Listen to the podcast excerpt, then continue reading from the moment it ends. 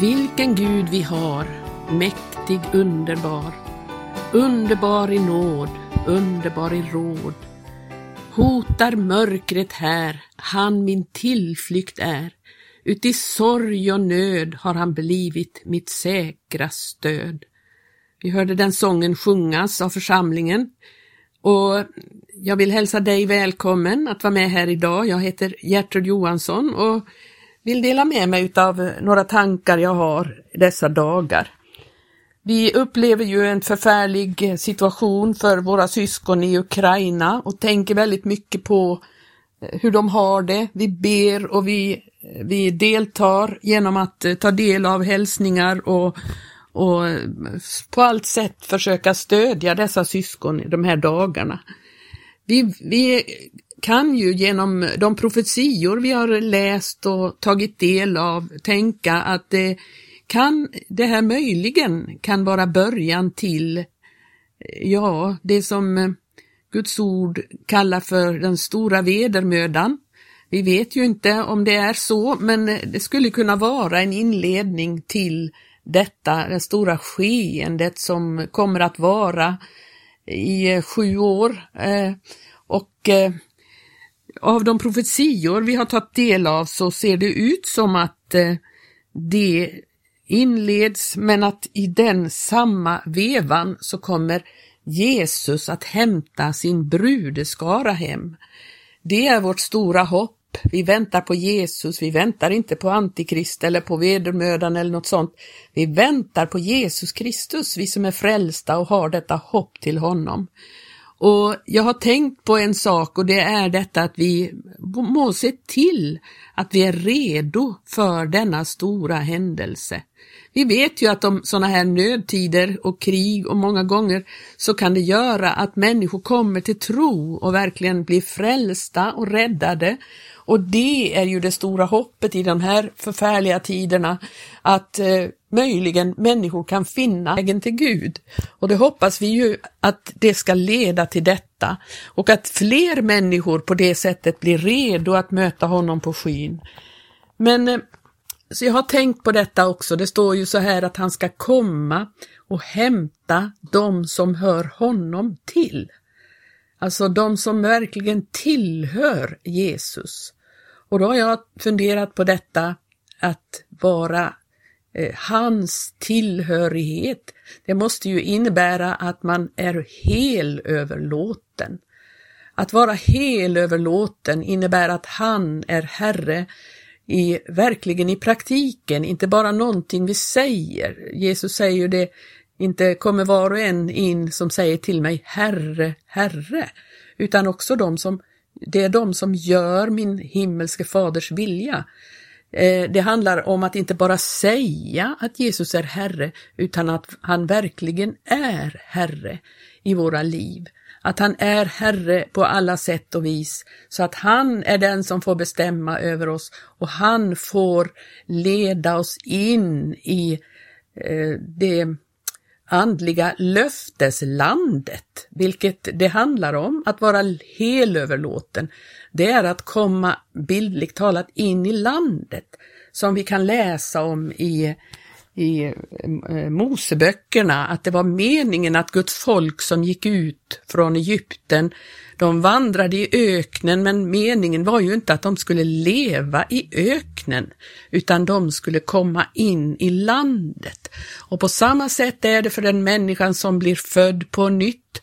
Man kan ha sin så kallade ökenvandring men meningen är att man ska komma in i landet där man får också äta av landets frukt. Och Det handlar om då att verkligen gå in i landet med tro och det är därför jag ville begynna med den här sången Vilken Gud vi har! Mäktig, underbar, underbar i nåd, underbar i råd. Vi kan läsa om denna Gud, eh, eh att eh, han är så oerhört stor och mäktig. Han kan föra oss in i landet. Vi ska titta lite mer på det sen, men först ska jag läsa i Efesierbrevet om det här. Jag har läst det förr i närradion och jag kanske upprepar mig, men eh, det kan det vara värt för att människor ska kunna komma ihåg vad det står i hans ord. Eh, det står i Efesierbrevet 1 och 17 versen.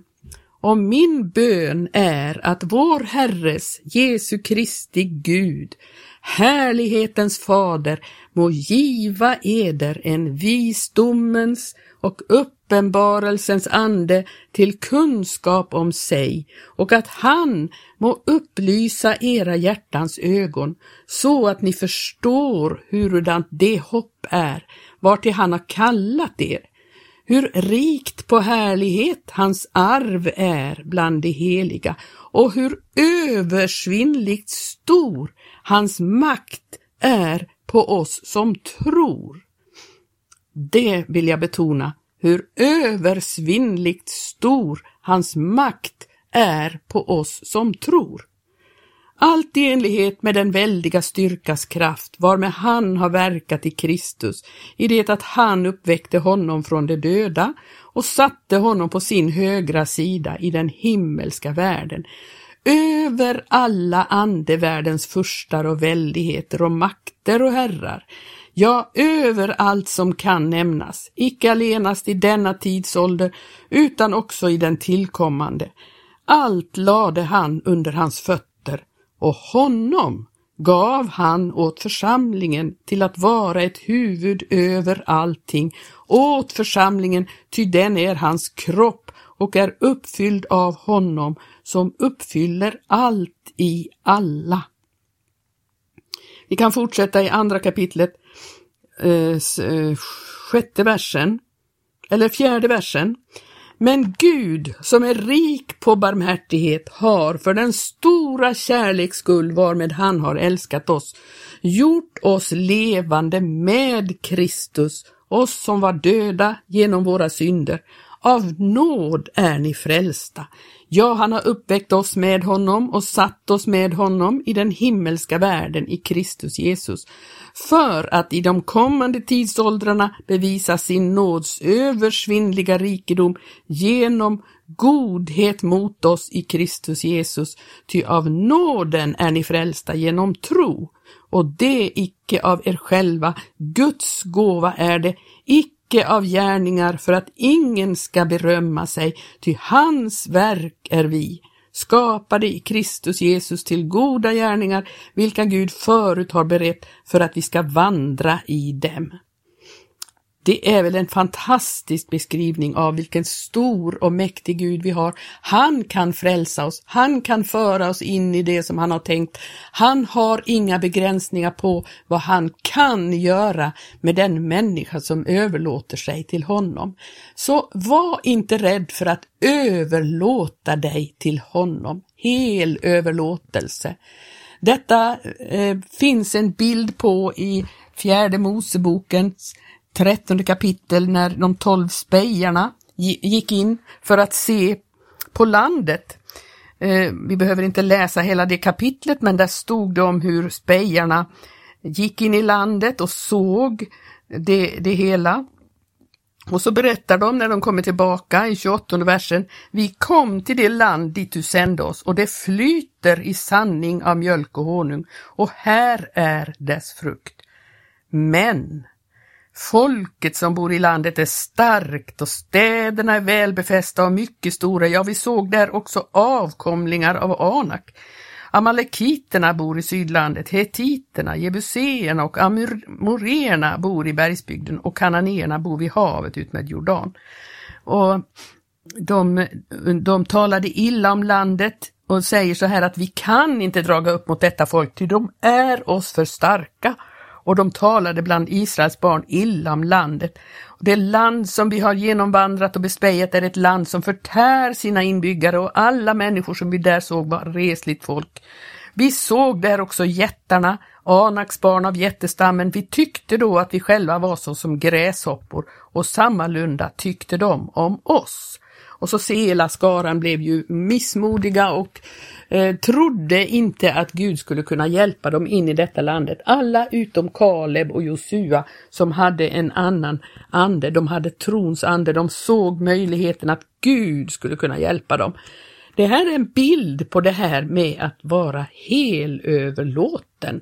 För att vi kan också se jätte jättar, bildligt talat, när det gäller att komma in i helöverlåtelse. Vi tänker att det går aldrig.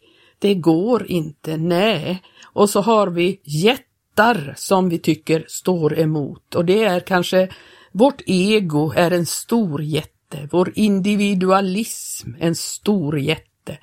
Vi har materialismen, det är en stor jätte. Det är jättar som vi vet och förstår att vi kommer inte att klara av det där.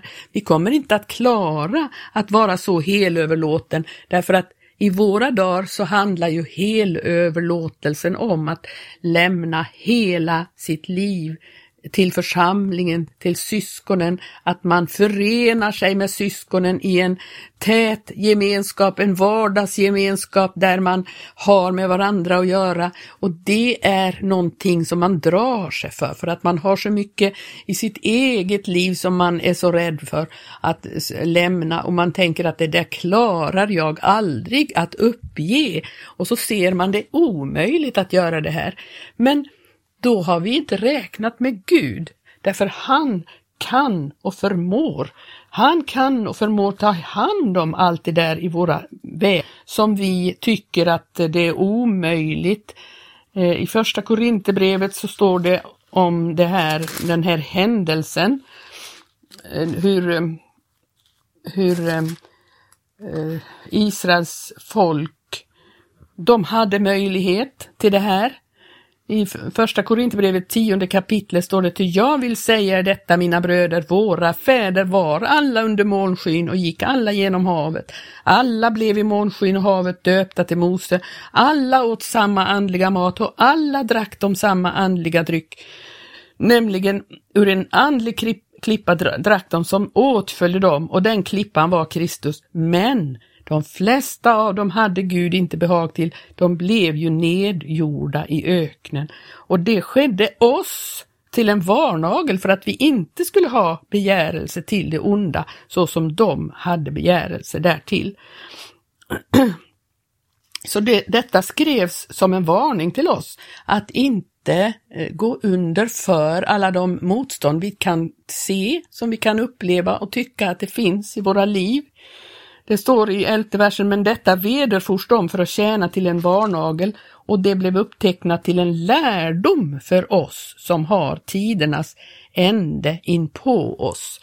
Det är meningen att vi ska kunna komma in i trons vila, vi också, att vi ska kunna verkligen ha eh, tro till att Gud förmår att göra ting i våra liv Eh, så att vi kan övervinna de här hindren. För eftersom det är en så stor och underbar eh, löfte som Gud har att, att bildligt talat komma in i landet redan här i tiden. I Hebreerbrevet 4 läser vi om det här.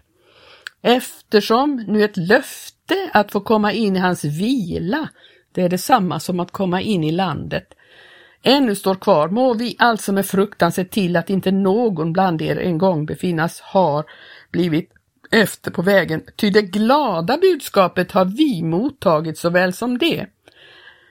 Men för dem blev det löftesord de fick höra till intet gagn eftersom det inte genom tron hade blivit upptaget i dem som hörde det. Vi som har kommit till tro, vi får ju komma in i vilan.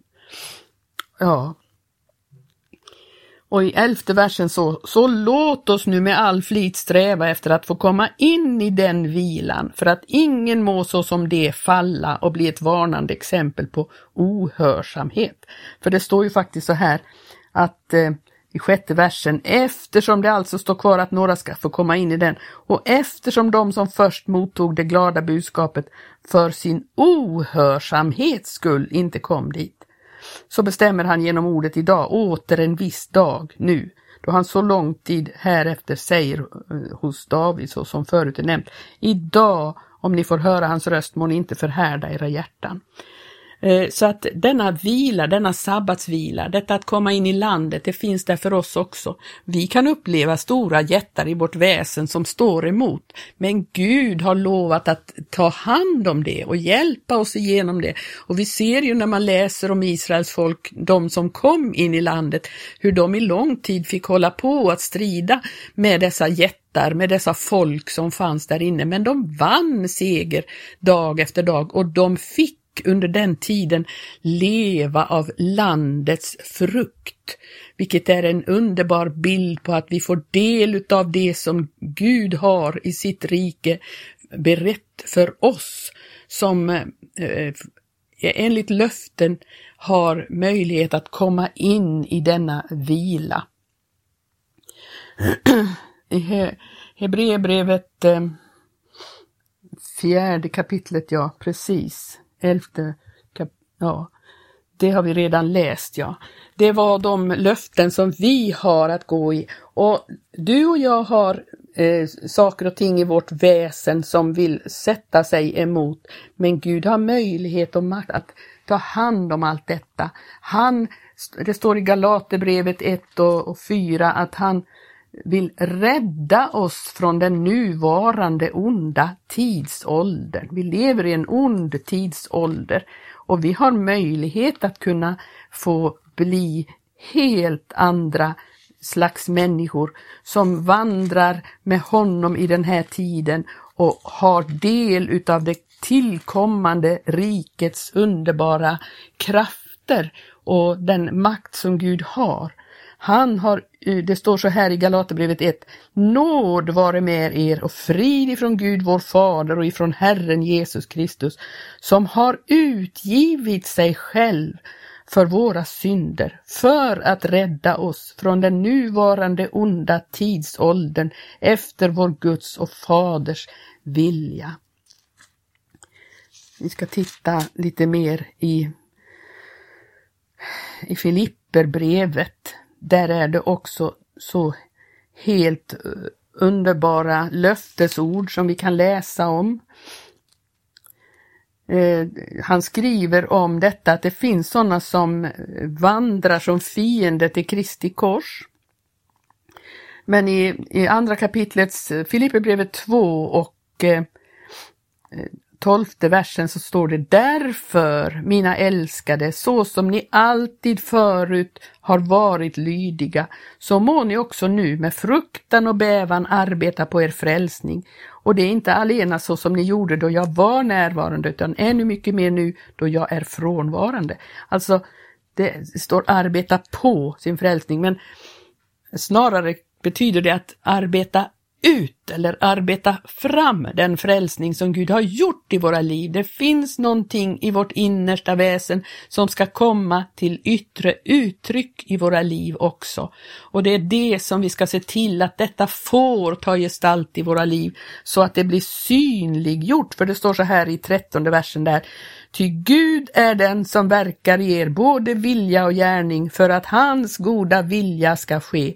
Gör allt utan att knorra och tveka så att ni blir otadliga, alltså någon som man inte kan klaga på, otadliga och rena, Guds ostraffliga barn mitt ibland ett vrångt och avogt släkte inom vilket ni lyser såsom himlaljus i världen.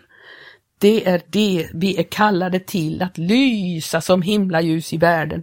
Att vi är något helt annat än människorna i den här världen. Det blir vi när vi är helöverlåtna till honom. Och är vi helöverlåtna till honom, då kan vi med tillförsikt och med glädje se uppåt och se framåt mot att Jesus kommer snart.